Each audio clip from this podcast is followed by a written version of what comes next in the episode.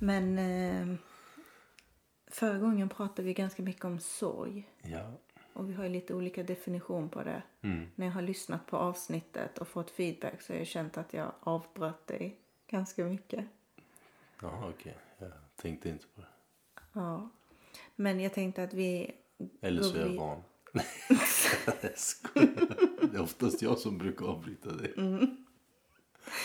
Men om vi går vidare från sorg Ja.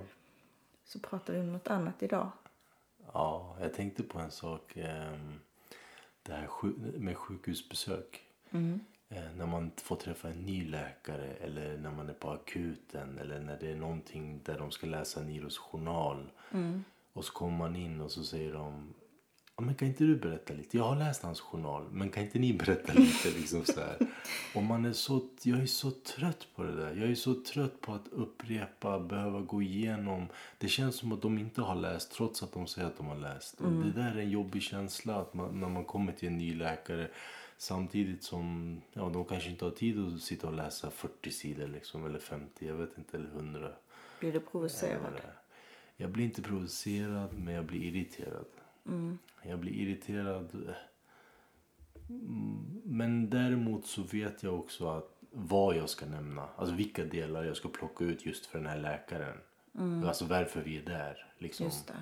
Ämnet är begränsat, vi är där för en viss, ett syfte liksom och så. Fast jag tycker ändå att de borde vara lite mer pålästa. Det finns ju tillfällen då de har sagt att de har läst. Till exempel när de skulle göra en biopsi på Niro när han inte ens kunde gå. Sen när vi ska hem så säger de att nu får ni, nu får ni akta så inte han springer runt. Mm. Eller att ja, vi gör biopsin, sen när de gör biopsin så hittar de inte muskeln. Sen bara oj, det var ju för att han inte går. Liksom. Han har ingen muskel för han har inte tränat upp den. Men va? Alltså det var Exakt. helt så här, ja. Det är jättemycket sånt som man stöter på i sjukvården. Ja, precis. Men Alltså jag älskar sjukvården, de gör ett bra jobb, de är hjältar allihopa. Men eh, ibland blir man bara galen. Ja, Jag tycker de suger. jag vet. Jag tycker inte alls de är bra. Alltså jag tycker de är bra. De kan sitt jobb förmodligen. Men det känns som att hela sjukvården är anpassad efter normtypiska barn. Så när man kommer in med ett barn som inte följer normen så är de helt så oj, det här kan vi inte så mycket om och vi vet inte. Som när vi behövde lämna urinprov, eller ni behövde lämna urinprov. Så hade de inte en sån här kisspåsar som man med tejp Nej, runt, du vet. anpassat för honom. Ingenting är anpassat för personer med speciella behov. Nej, precis. Det finns, men det liksom, alla har inte tillgång till de delarna. Eller vet inte, de själva vet inte att det finns sånt material till exempel. Är inte det sjukt? Och ni är ju ett barn, Jo, vi är ju visst, föräldrar så absolut, vi kan ju fightas. Men jag menar det finns ju de som, alltså vuxna Som... som, Tycker du ska det finnas sj- sjukhus för barn med, eller för alla med diagnos? Eller jag, vad, jag vad skulle, tycker du? jag tycker det skulle vara skitbra om det fanns så här specialsjukhus med eh, alltså extra kompetens kring diagnoser. Alternativt att alla sjukhus är anpassade utifrån de som har högst behov. Alltså att det är tillgängligt för alla. Det går inte bara att ha en hiss och sen så känner man att man har gjort allt. Jag tycker att det brister skitmycket inom sjukvården och det tvingar föräldrar att bli experter på Alltså vi behöver bli experter på så många områden. Nu har ju inte ni jättemycket medicinska besvär men jag känner ju, jag har ju vänner som har barn med mycket medicinska. Ja, jag förstår. Alltså de föräldrarna hade ju fan kunnat arbeta som läkare själva. Mm. Ja, nu kommer du in på det här med självlärning och eh, typ den här spindeln i nätet. Vem, Vart har vi varit? Vad har vi gjort? Vilka undersökningar har han liksom gjort och vart är vi på väg? Lite så. Eh, till exempel när vi skulle söka skola till honom. Alltså när vi hittade skolan själva. Av en slump. Av en slump hittade vi hans eh, liksom, Kan vi inte göra... skola. Nu kör vi intromusiken. Okej. Och sen så börjar vi prata igen.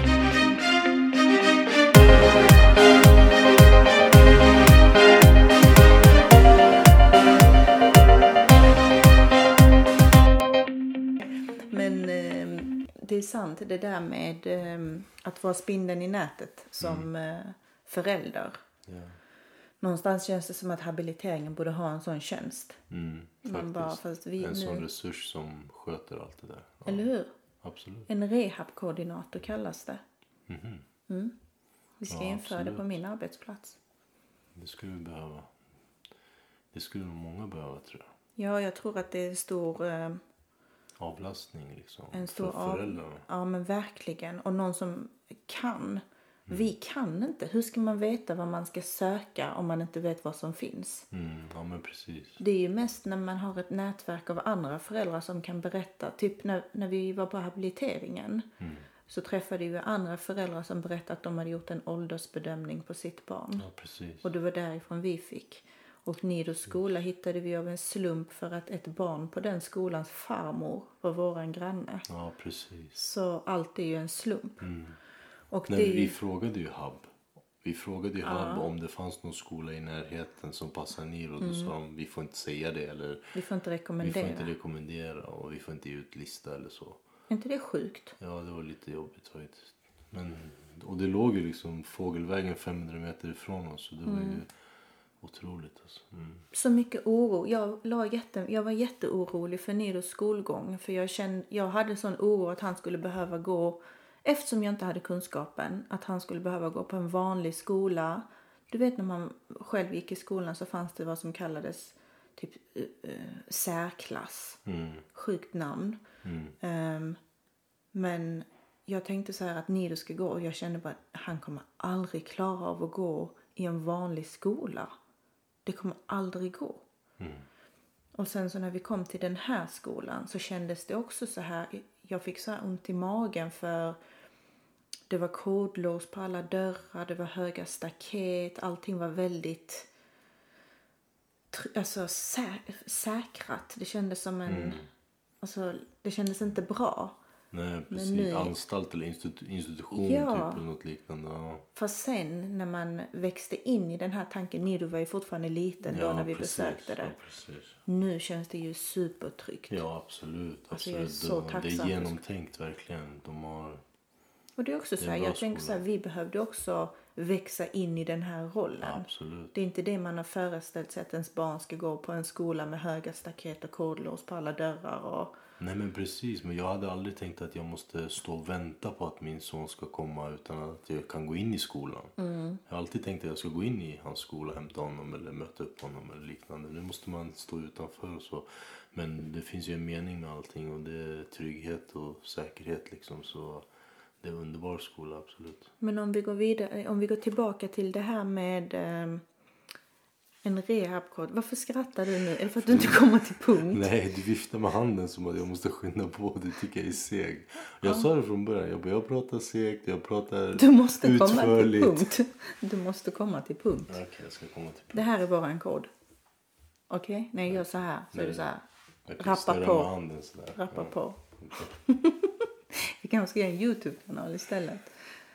Men det jag tänkte på det är att om man hade haft en rehabkoordinator som hade förklarat hela den här processen med skolan och eh, habilitering, alltså allt möjligt som vi Absolut. själva har fått söka och eh, lägga ner så mycket tankeverksamhet och energi på.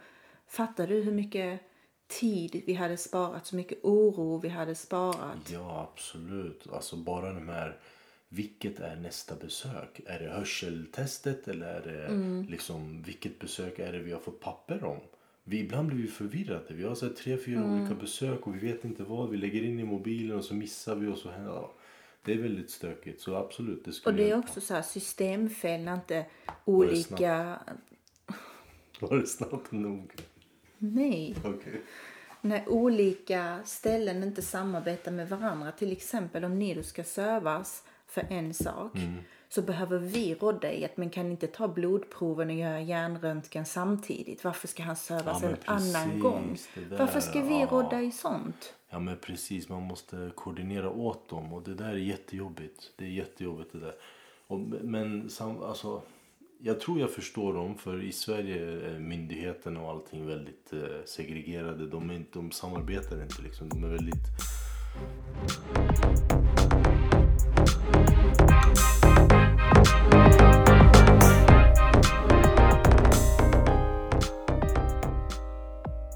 Vi pratar om habiliteringen. Mm. Har du varit nöjd? Nej. Vad är det du tycker brister? Alltså, det är långdraget. Det känns som de går på automatik, på rutin. Mm. Alltså, ja här är en till. Nu gör vi, ska vi säga det här och så ska vi göra det här. Och det De känns kollar inte på att- individen eller? Nej, det är, inte, det är inte riktigt anpassat för alltså, vår situation. Utan det är mer, det är mer generellt. Mm. Så. Gå den här kursen liksom och så. Vi fick ju gå på en kurs Mm. ö, om autism. Och då skulle det vara fyra måndagar som vi skulle ta ledigt från jobbet. Ja. Och det var grund, autism grundkurs. Och sen när man hade gått fyra kurser så skulle man gå vidare till avancerad nivå. Ja. Men då satt vi alltså där med, tillsammans med typ sex andra föräldrapar. Tio andra. Tio andra Ja, par, föräldrapar. Och ehm, vissa av dem hade ju barn som var kanske 14-15 Ja, år gamla. Exakt. Och då kommer det en nyexad, förmodligen socionom och ska Precis. lära oss vad autism är. Ja. Medan vi har levt med det i flera år. Ja. Och så lär hon oss typ så generaliserande, alltså Mm. väldigt så stereotypiskt autism. Och det hade ingenting, för Nido har ju två diagnoser och det var därför vi var där för vi skulle lära oss dubbeldiagnos. Och det kändes så här slöseri, för om vi inte gick de här fyra tillfällena fick man inte gå vidare till avancerad nivå. Kan allt detta. Kan Alltså jag har inget emot att ta liksom ledigt för att lära mig något, alltså mer om autism. Det är helt okej. Ehm, Men just det du menar att vi kunde redan de delarna och det fanns ingen väg framåt om inte man gick den här kursen. Vilket var lite jobbigt. Så det är åter tillbaks till det du säger. Det är inte anpassat. Det är liksom strukturellt. Följ den här, det här schemat. Steg ett, steg två, steg tre. Man kan inte anpassa och liksom... Jag vet inte. Vet du vad det grundar sig Ja. Det grundar sig i att man ehm, skapar system och skapar utbildningar och allting utan att kolla med klienten. Exakt. Utan att kolla Absolut. med vad har ni behov av att lära er. Utan de bara tar för givet vad vi behöver Exakt. lära oss. Absolut. Samma sak med ehm, när, de, har- när, de, du vet, när eh, kommunen Mm. alltid ger avslag och sen så det här är det normala föräldraansvaret. Mm. Var har de fått det ifrån? Alltså de har ju kollat på normtypiska barn. Det kommer ju från föräldrabalken. Det kommer ju inte från barn med speciella behov. De har inte satt ner flera föräldrar till barn med speciella behov. Bara, du, hur långt är average när man har ett barn med speciella behov? Så kollar man olika diagnoser och olika spektrum. De tar utifrån. Så de kollar ju inte med klienten. Utan de bara tar för givet att den här utbildningen precis. är bra för er. Ja. Utan att kolla. Jag tror det är där det grundar sig i att Så kan det vara. Absolut. Så vara. Och det, det blir ju slöseri. Det blir så här, fast vi behöver inte lära oss att barn med autism eh, olika sinnesin. Vet du vad som också är problematiskt?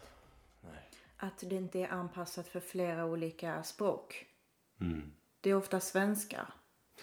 Ja, precis. Det var inte riktigt anpassat för i rummet rent eh, så. Nej. Att det skulle finnas en tolk där. För vi, man blev lite man, alltså man, man stördes av eh, ljudet kan man säga. Ja, och det var ju för att eh, föreläsarna tyckte det var lite jobbigt att ta det på engelska. hade Ja, de tagit det på precis. engelska så hade, det ju alla, hade ju alla förstått. Ja, men precis. Men skit i det. Jag menar bara var är, var är, var är all information på olika språk? Tänk vi som kan svenska i Sverige har svårt att hitta rätt. Svårt att förklara oss för läkare, svårt att få Mm. koordinera, svårt att hitta skolor. Tänk de som inte kan svenska så bra. Ja, jag vet. Jag vet. Jag tycker skitsynd. Om inte vi kan få en eh, rehabkoordinator borde det i alla fall vara en tillgänglighet för personer som inte kan svenska så bra. Fast jag måste vara ärlig, jag vet inte vad som finns i, på andra språk. Jag har Jag har inte, kollat, jag har det inte finns kollat inte. liksom. Jag har kollat, jag har frågat. Och jag har fått att det inte finns. Och det är folk som har frå- efterfrågat hos mig. Vet du vad man kan få informationsblad om autism på arabiska? Jag vill att mina ja, men svärföräldrar ska lära sig lite. Ja. Alltså det finns inte ens informationsblad, än mindre utbildning. Men finns det någonstans i Sverige så är det ju skitbra. Men utifrån det jag har kollat upp och hört så finns det inte. Wow. Google Translate kanske om man är på nätet liksom. Det bästa. Alltså bästa verktyget som finns kanske är det då. Men det, det ska man inte behöva liksom. Då är det återigen att man själv ska sitta. Själv det ska finns ju inte ja. tillgängligt. Mm. Det är ju det vi pratar om, hur, vilka brister som finns. Mm. Samma sak på habiliteringen så ska man själv veta vad ens barn behöver utifrån de flestas erfarenhet. Mm. Att ja, men vi kollade själva upp ehm, den här vagnen som kan vara bra för vårt barn. Och så la vi fram förslaget Ja, till eh, habiliteringen och så beviljade de det. Ja. Ehm, och- det är också så här, hur ska man veta? Då får man ju höra från andra föräldrar. Det är inte habiliteringen som kommer fram med, eller jag vet inte, den här nya habiliteringen vi har skrivit in oss på verkar ju vara ganska bra. Men vår tidigare habilitering alltså gav oss verkligen ingenting. Precis. Och tvärtom så hamnade vi mellan stolarna för att de inte lyssnade på oss. Mm.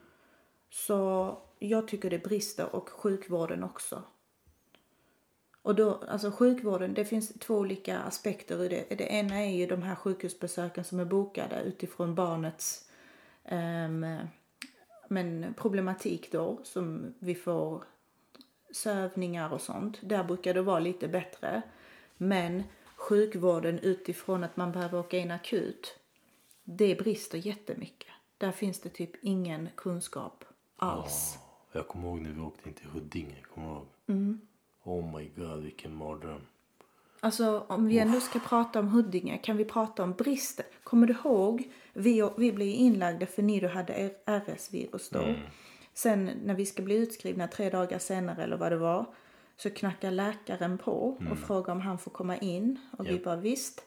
Ehm, och då kommer han in med typ fyra studenter. Som ställer sig runt Nido. Och vi är inne för RS, vi är inte inne för någonting annat. Och på den tiden Nido var muskelsvag och han hade inga reflexer. Så när han skulle, när han satt och typ tippade så kunde han ju inte fånga sig.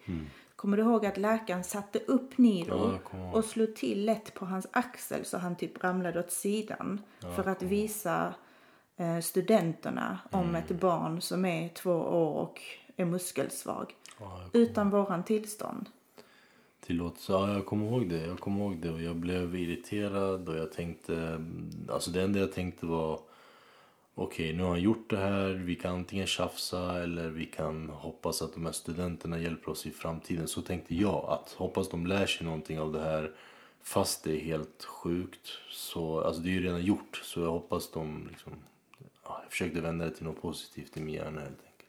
Ja, alltså på den tiden så tror jag att jag bara mådde jättedåligt över allt som var. Hade det varit idag hade jag nog ställt till det. Men sen. Fast jag blev lite irriterad. Jag sa någonting, jag kommer jag la en pik eller Ja, jag något. tror du sa nästa gång får du gärna fråga. Ja, precis.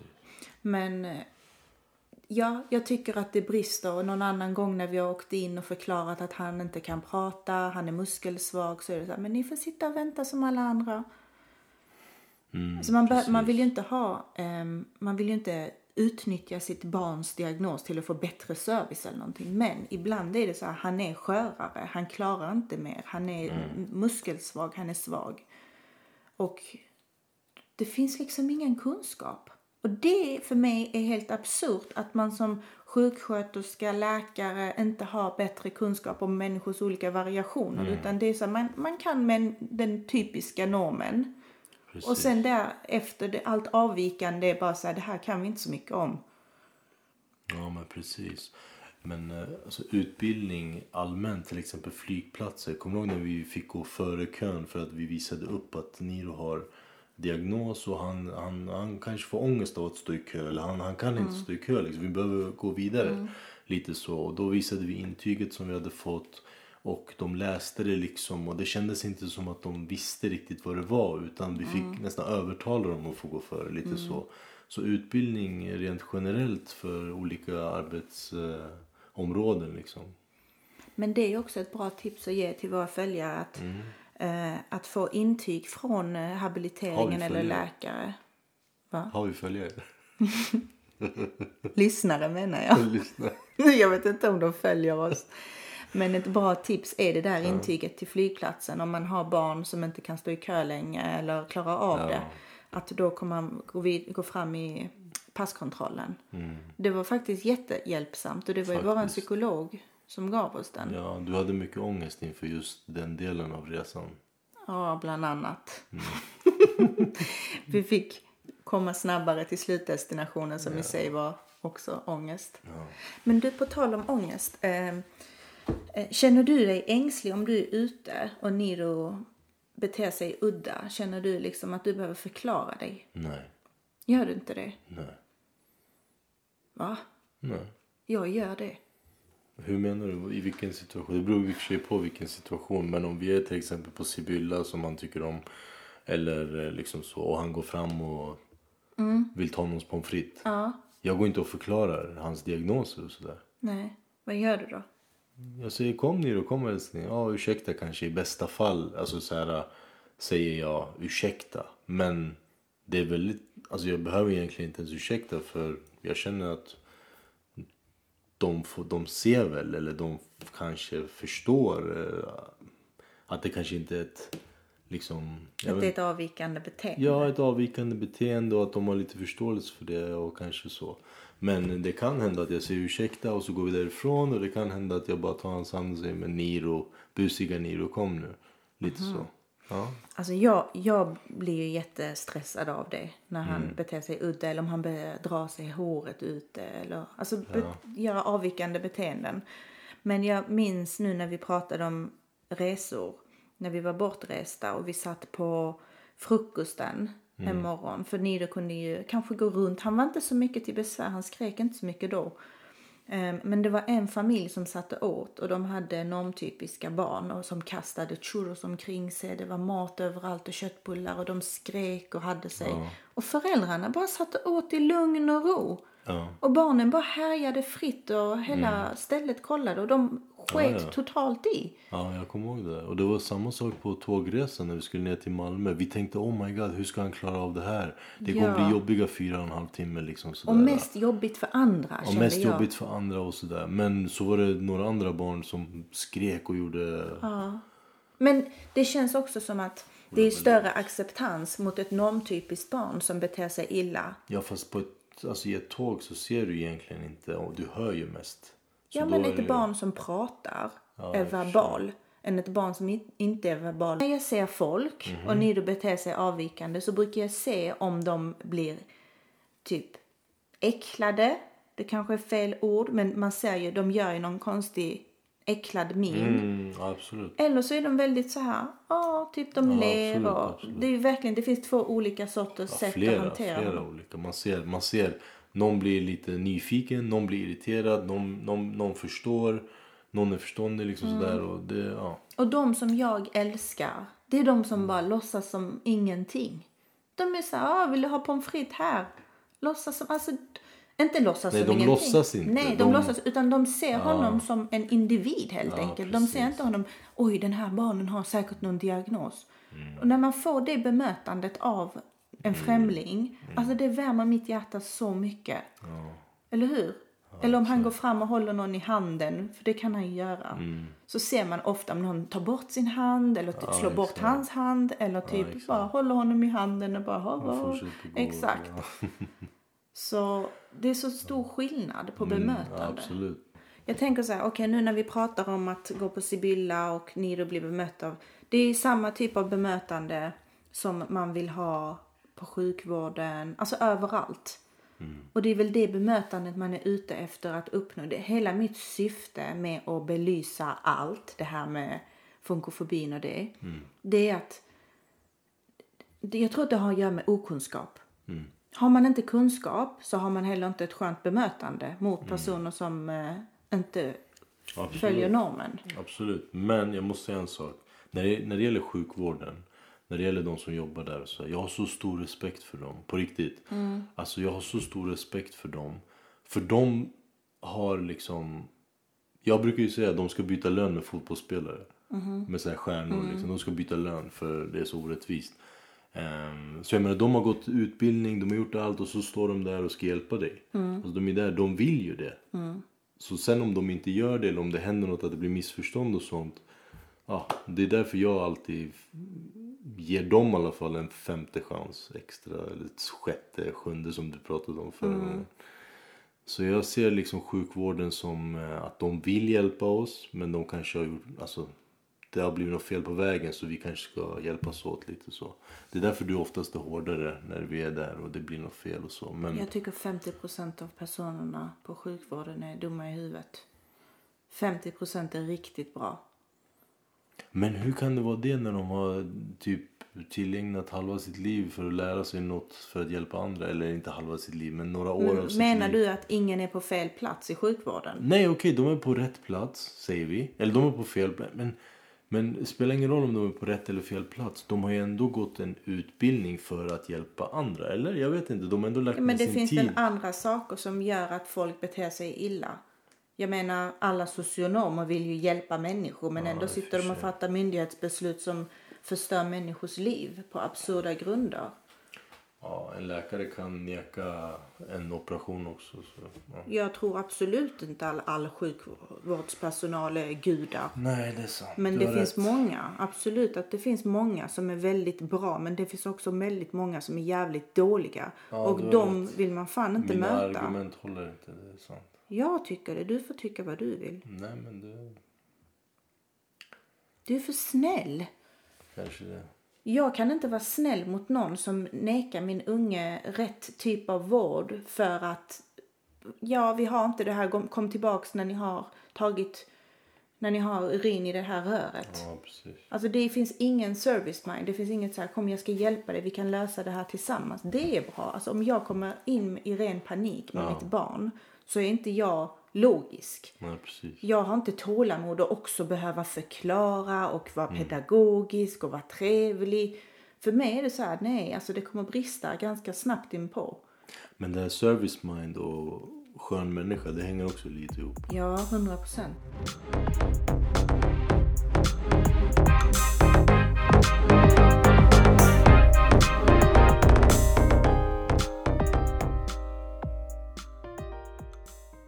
Tänkte på det, hur kommer det sig att vi har så lätt för att prata så öppet och ärligt om vårt liv och om de här sakerna?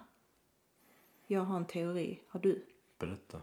Nej, jag tänker bara att eh, jag, jag är ärlig som person. Så jag, det, är Jo, väl, det är men- väl grunden liksom. Men hur kommer det sig att du kan prata om de här sakerna? Men jag att gör vara ju inte det. Jag gör ju inte Nej, det. Jag okej. pratar ju så sällan. Du gör inte det, det är sant. Jag gör ju det. Jag är ju väldigt Ja, ja. öppen och jag kan ju berätta och förklara och skriva mycket om vårt liv och mina känslor. Och jag var ju inte så innan. Och jag tror, det här är min tanke, att det har blivit så eftersom vi har varit tvungna till att vara så jäkla öppna och ärliga om vårt liv från det att Nido föddes. Att varje, från att han var sex månader har vi behövt gå dit och bara han kan inte det här, han kan inte det här. Vi är trötta, ringa till psykologen, ringa till habiliteringen. Om och om och om igen öppna upp vårt liv. Så det har normaliserats. Det känns inte längre udda att berätta om privata saker i vårt liv. Det är en privat sak. Så att man är trött, det är privat sak. Att man var uppe hela natten, det är privat sak. Att det tär på relationen, det är privat sak. Att Celine kanske inte får all uppmärksamhet. Det, Mm. det är inte sånt som folk lägger ju upp sina bästa sidor på sociala medier och allting är fantastiskt och det är resor och glada kräftskivor under sommaren liksom. Mm. Medan jag har varit väldigt ärlig med hur vår sommar, jag har fightats med kommunen hela Ja, just sommaren. det, just det. Det stämmer. Och det är ju privat egentligen. Ja men så kan det vara. Ja, det finns... Det ligger något i det du säger. För jag, jag minns till exempel eh, konsultlivet som jag har levt av. Där känner jag också att jag alltid har fått förklara mig. Om jag är borta eller om jag ska vara borta eller liknande. Och då har jag också fått berätta. Eh, då har jag varit tvungen att berätta. Liksom, öppna Om upp mig och berätta liksom. om mitt liv, om Niro, om situationen och sådär. Och då har man också, det blir också som en träning gång efter gång efter gång liksom. Så det ligger något i det du säger. Så även om du inte är öppen för så många som jag är så är du ju ändå öppen när vi sitter med vänner så kan du förklara att det är tufft, det är jobbigt. Ja, ja men du vet vi allt Fast vi gör det så ofta? Ja, nej inte ofta men det har ju förekommit. Det är inte udda för dig att berätta om att nej men det är sjukt jobbigt. Fast det här vi har tagit upp i de här två avsnitten har jag typ aldrig sagt till Det här är VIP. Det här är Det här är. Exklusivt. Nej men jag uppskattar att du öppnar upp och berättar. Jag tror att det är skitviktigt att pappor också gör. Det är kul att få vara med. Det är kul att eh, vara med på din resa faktiskt. Som du har tagit din fight. Inte bara med kommunen utan med funkofobi och med, med att utbilda. Mitt syfte är så här. Att ändra, hinna ändra samhällets syn på personer med diagnoser innan Nido blir stor? Syn och bemötande och liksom ja, allt Ja, som jag tror att det hänger till. ihop, syn och bemötande. För att jag tror att bemötande är baserat på okunskap. Mm. Så om vi utbildar folk i att ej, alla är lika värda, Mm. det är inget konstigt. Så kanske bemötandet också blir bättre. Just det. Avsnittet handlade om bemötande och om, eh, vad pratade vi om? Människors okunskap, eh, sjukhusen, alltså sjukvården. Mm. Eh, Den här rollen, spindeln i nätet. Men Och lite så. det har varit kul att ha dig med. Tack. Och lite provocerande. Bra. Du behöver det ibland. Alltså så här, vi har ju försökt spela in det här avsnittet nu i vad, fyra dagar? Ja, vi, tre, tre, tre, fyra tre, fyra dagar och vi får inte till det för att det blir så sent när Ja, barnen har somnat och vi är skittrötta. Men igår firade vi tio år som gifta. Japp. Eh, Så vi däckade ganska tidigt. Igår och förrgår. Igår och förrgår. Och lite idag. Och lite idag. Idag hann vi ploppa bubben. Ehm, men eh, nu ikväll fick vi i alla fall till det med tvång. Fast klockan är ju snart ett. Ja. Så vi är ju väldigt trötta när det här spelas in. 0048. Men jag tvingar dig för att det här är viktigt för mig. Mina avsnitt måste komma ut. Du har inte tvingat mig. Jo, men med. jag har ju varit så här. Nu, nu kör vi. Ja. Så jag uppskattar att du sitter uppe till ett. Fast å andra sidan så är det ju faktiskt du som har sovmorgon imorgon söndag. Yes. Och det är jag som ska gå upp. Ja, Så jag tycker att vi avslutar.